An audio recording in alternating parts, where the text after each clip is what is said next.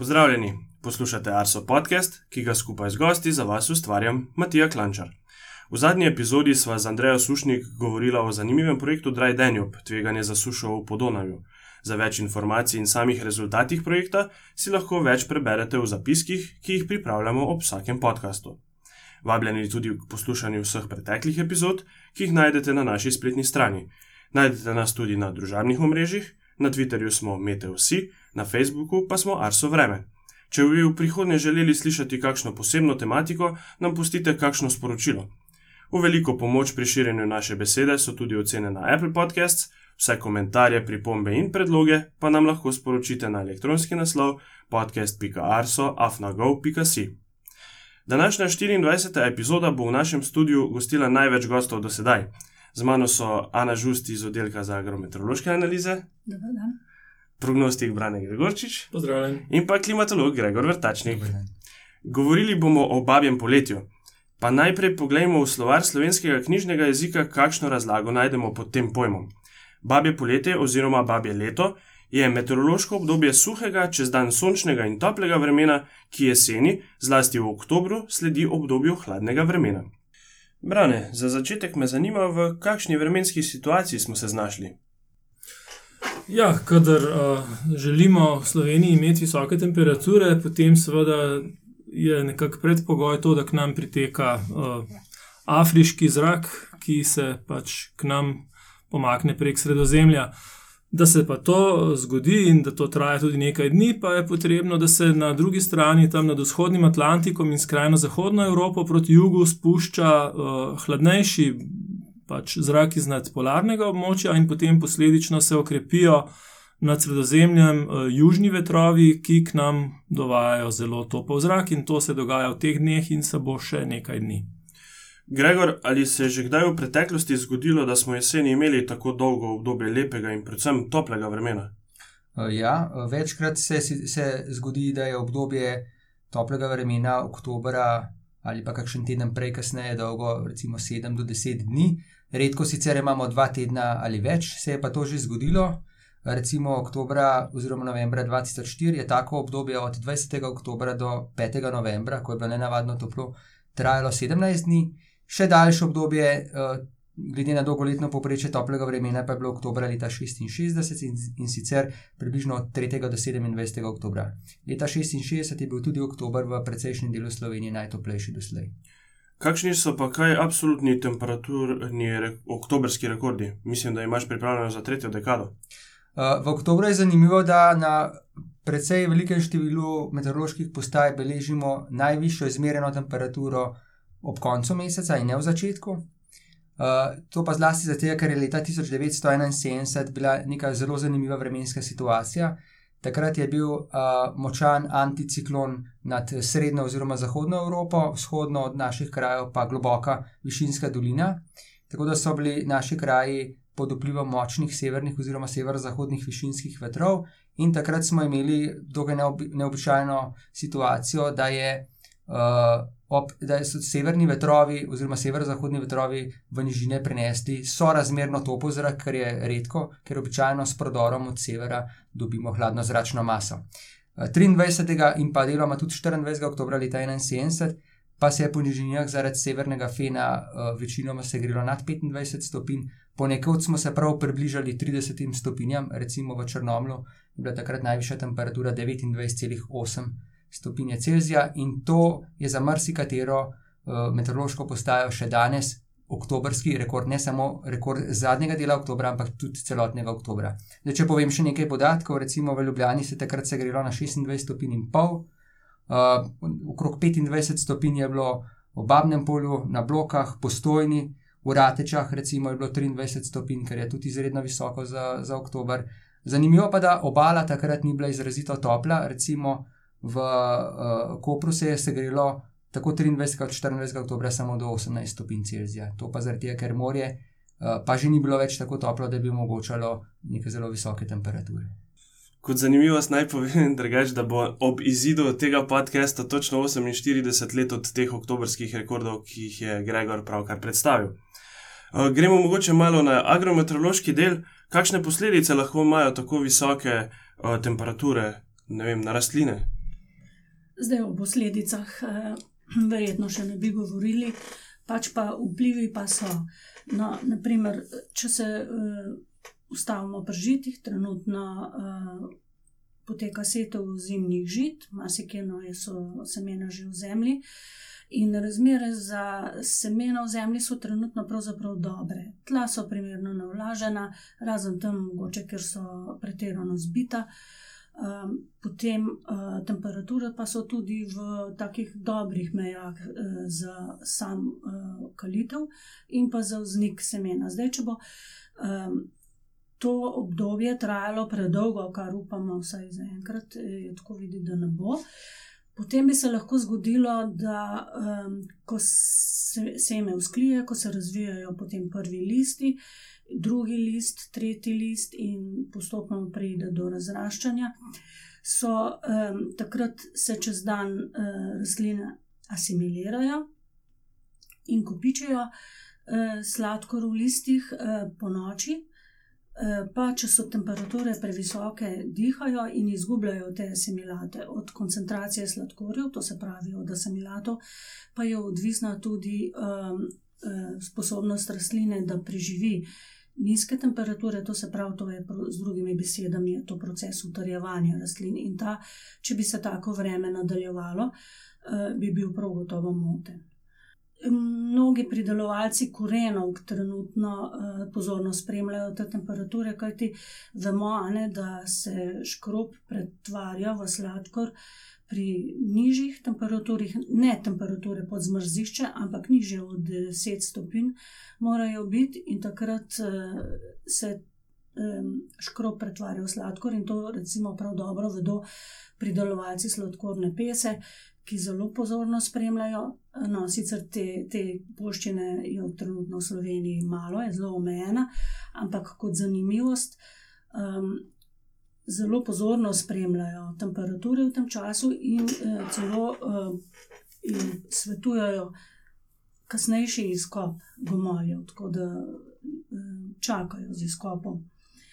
Naslednja, um, naslednja zanimivost, ki pa bomo verjetno jo prav gotovo tudi letos opazovali, bo uh, anomalija jesenskega cvetenja.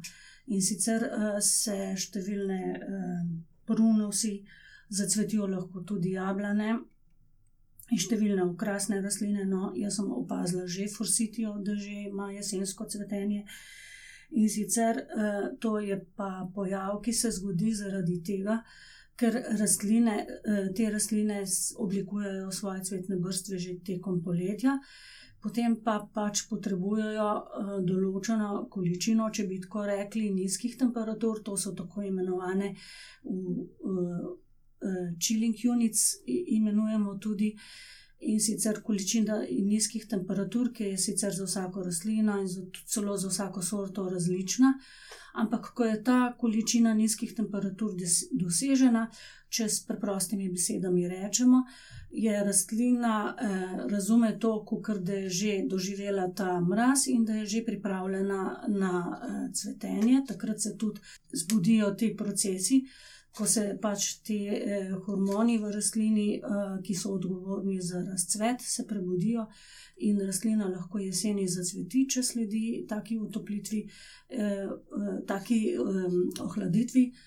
Toplo vreme. No, in to se je letos pravzaprav zgodilo med 8. in mislim, med 2. in 8. Um, oktobrom, je bila ohladitev, potem pa naglo utoplitev. Sicer ni razlog, da ne bi bili zaskrbljeni zaradi tega, ker to ni množičen pojav, zacvetijo pač posamezne veje, posamezni vrsti eh, in ne bodo rodili sadu, ne, ker jih bo že pobrala prva jesenska slana. Je pa res, da ne, bo, ne bojo naslednje, naslednjo pomlad na razpolago. Tako da eh, zaenkrat to ni množičen pojav, je pa anomalija, ki jo v zadnjih letih skoraj vsako leto tudi opazujemo. In še ena zanimivost so jesensko obarvanje listov. Z, zelo lepo eh, jeseni barve zažarijo, če so dnevi še topli, jesen, eh, eh, noči pa hladne. To ne pomeni, da morajo biti temperature pod ničlo, ampak temperatura pod 10 pa vsekakor. Takrat se zelo lepo obarva listje. No, recimo letos že list je že rumeni, ampak na vrsti je ruj, to je bi lahko rekli kar del identitete slovenskega krasa, ki pravzaprav škrlatno zažari, če, so, če se temperature primerno znižajo in to je tudi. To je tudi znak, da je ruj prenehal z rastjo. To bi bile najbolj tako zanimive, eh, zanimivi vplivi tega eh, toplega obdobja, eh, ne pa pričakujemo hujših posledic, če utoplitev ne bo trajala predolgo, seveda. Tole epizodo snemamo v ponedeljek 21. oktober, pa se vendarle malce ozrimo v prihodnost. Nekaj je že malce omenil, branil v začetku. Kako dolgo bo še ustrajal takšen tip vremena? Ja, kot vse kaže, bo topla zračna masa nad našimi kraji ustrajala do konca tedna in morda še kakšen dan v prihodnjem tednu, proti sredini prihodnjega tedna pa se že nakazuje prodor atlantskega zraka iznad severnega dela Atlantika prek Severnega morja proti Alpam, tako da že v sredini prihodnjega tedna lahko pričakujemo kar tak resen vremenski preobrat. Um, mogoče še zdaj, Gregor, uh, dokler ustrajajo tako visoke temperature, so mogoče do konca tedna še kje uh, možni tudi kakšni oktobrski rekordi. Ja, po nižinah uh, verjetno ne bomo dosegli novih rekordov, sicer se lahko, lahko približamo tam recimo na 2-3-4 stopinje Celzija. Uh, v višjih lijah pa mogoče celo obstaja uh, realna možnost za kakšen rekord, recimo v krajih, ki so nad 500 metri nadmorske višine, zlasti na Alpsko-Dinarski gorski pregradi. Namreč v naslednjih dneh se bo zračna masa, glede na danes pa prejšnje dni, se bo nekoliko usušila in bolj, bo prišel, pod, bolj bomo prišli pod vpliv suhe in zelo tople zračne mase v višinah. Hkrati bo tudi veter uslabel in v teh više ležečih krajih bo sončno obsevanje čez dan poskrbelo, da se bo zrače nekoliko bolj segrelo kot sicer. Tako da lahko pričakujemo, da bo recimo v takih krajih kot recimo postojna, bloke, Babno polje in podobno, temperatura zraka, kar še en dan ali pa dva, lahko doseže 25 stopinj Celzija, kar pa je tista raven, ki je bila dosežena leta 71 in sicer tudi 23. oktober. Najlepša hvala, drugače vsem trem za te zanimive povzetke o babjem poletju, uh, pa upam, da se še srečamo kdaj v kakšnih drugih situacijah. Vsekakor. Za konec pa poglejmo, kaj o babjem poletju pravijo zgodovinski viri. Citiral bom odlomek iz leta 1871, ki je bil objavljen v kmetijskih in rokodelskih novicah. Babje leto. Kedar pri nas od svetega Martina do svete Katerine nastanejo lepi topli dnevi, imenuje se to vreme babje leto. Kako neki je to vreme prišlo do tega imena? Nekateri mislijo zato, ker stare babice ta čas rade na solnice hodijo, drugi, da so ti dnevi zadnji ostanki leta, o katerih se babice spominjajo, da so jim dnevi življenja že pri kraji. Ali verjetnejše je, da to ime izvira iz prirodopisa, naravoslovja.